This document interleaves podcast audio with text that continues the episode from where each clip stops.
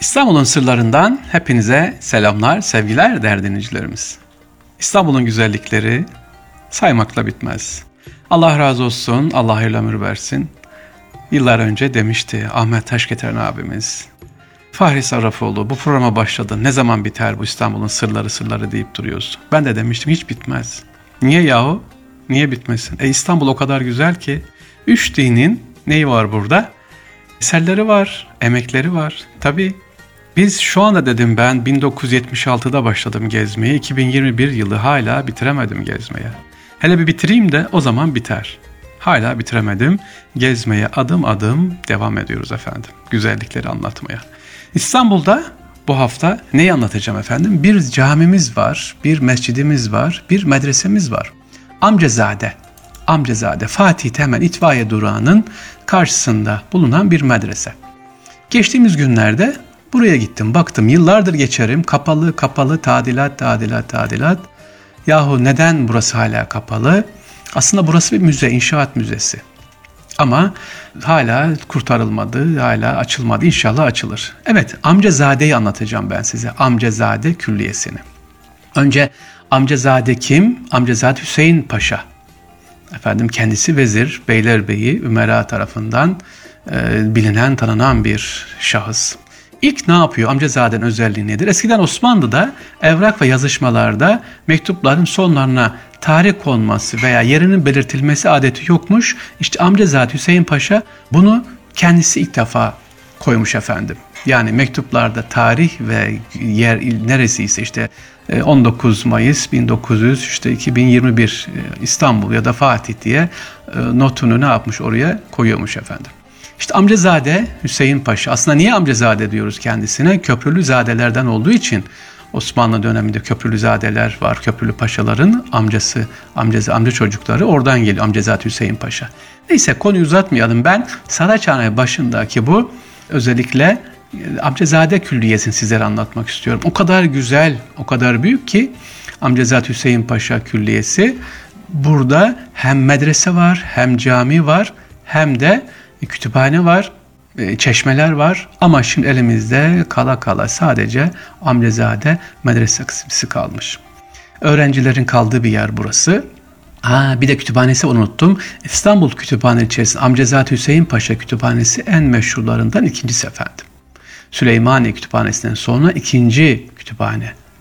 Ama e, tabii Cumhuriyet'ten 1929'dan sonra e, kütüphanelerin birçoğunun kitapları Süleymaniye Kütüphanesi'ne götürülmüş. Buradaki kitaplar da oraya gidiyor.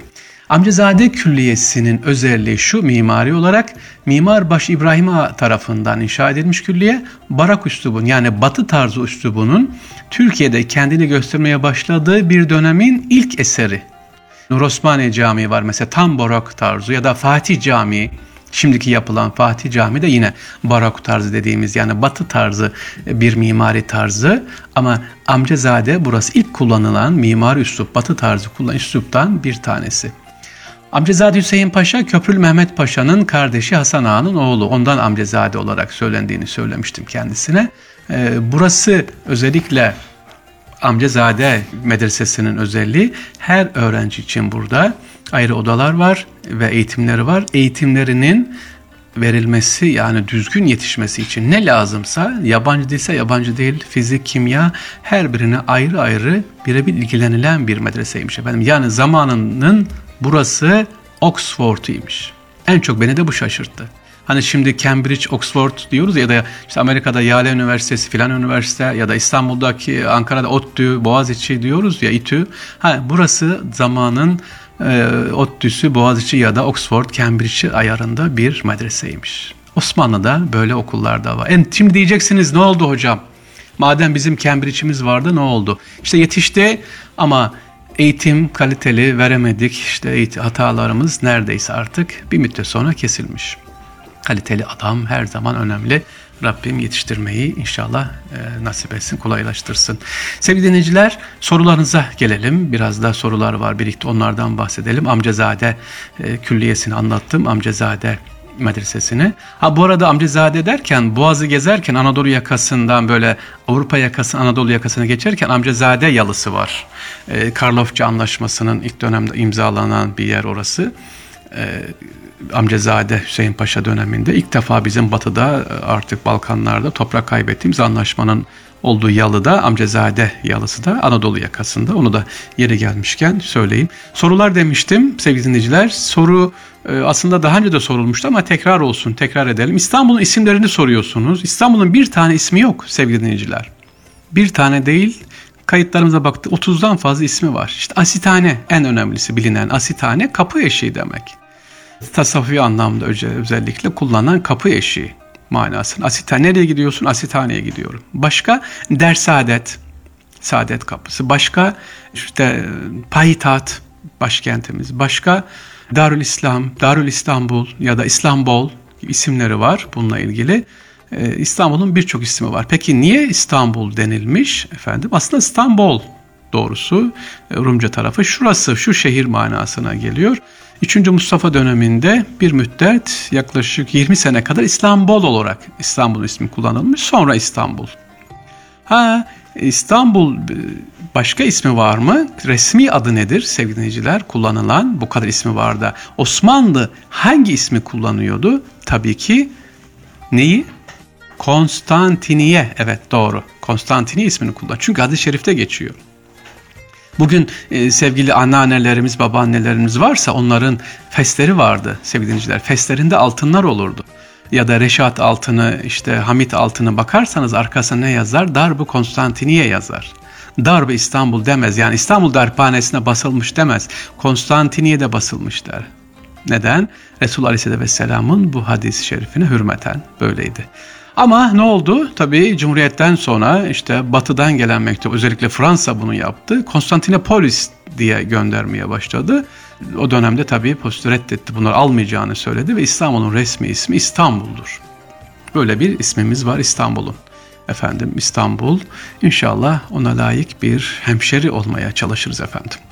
İkincisi sevgili dinleyiciler İstanbul'da İlk gelen sahabeleri soruyorsunuz. İlk gelen tabi sahabeler Eyüp Sultan. Sadece o değil. Sadece bir tane gelmedi. Çok var. Ama sevgili dinleyiciler Eyüp Sultan'dan beraber Cabir radıyallahu anh geldi.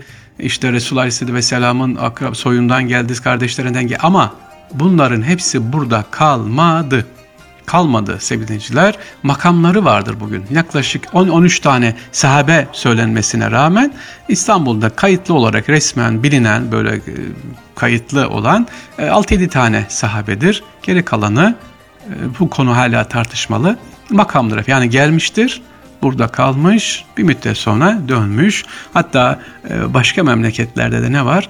Şehit olan sahabelerimiz de var efendim. Anadolu'da da aynı şekilde Adıyaman'da var sahabelerimiz var. Yine Sivas'ta sahabelerimiz var. İstanbul'un fethine gelirken orada ne yapmış? Abdülvahap Gazi Hazretleri var. Ee, buradadır. Aranızda Sivaslı var mı şu anda beni dinleyen bilmiyorum. Sivas'a gittiğim zaman Abdülvahap Gazi Hazretleri'nin mezarını gördüm. Biraz garip geldi bana. Aşağı bakıyorum gemi şeklinde yapılmış bir e, sanki böyle bir mezar. E, işte gemiyle o dönemde geliyor İstanbul'a karayoluyla Sivas'tan geçecekler İstanbul'a doğru gidiyorlar. Abdülvahap Gazi Hazretleri de Sivas'ta e, o dönem ne yapıyor? Şehit oluyor, vefat ediyor. Allah rahmet etsin. Onun da mezarı orada. İstanbul sevgili dinleyiciler ama hep soruyoruz ne diyorum ben sizlere nerelisiniz? Aksaraylıyım abi. Nerelisin? Sivaslıyım. Nerelisin? Hakkari. Nerelisin? Edirne. E kaç yıldır İstanbul'dasın? Oo ben burada doğmuşum. Annem babam burada doğmuş. E niye İstanbulluyum demiyoruz? Nerelisin dediğim zaman İstanbulluyum abi. Dememiz lazım kardeşim. İstanbulluyum demek ne demek? İstanbul'a sahip çıkıyorum. Burada doğdum. Buranın ekmeğini yiyorum.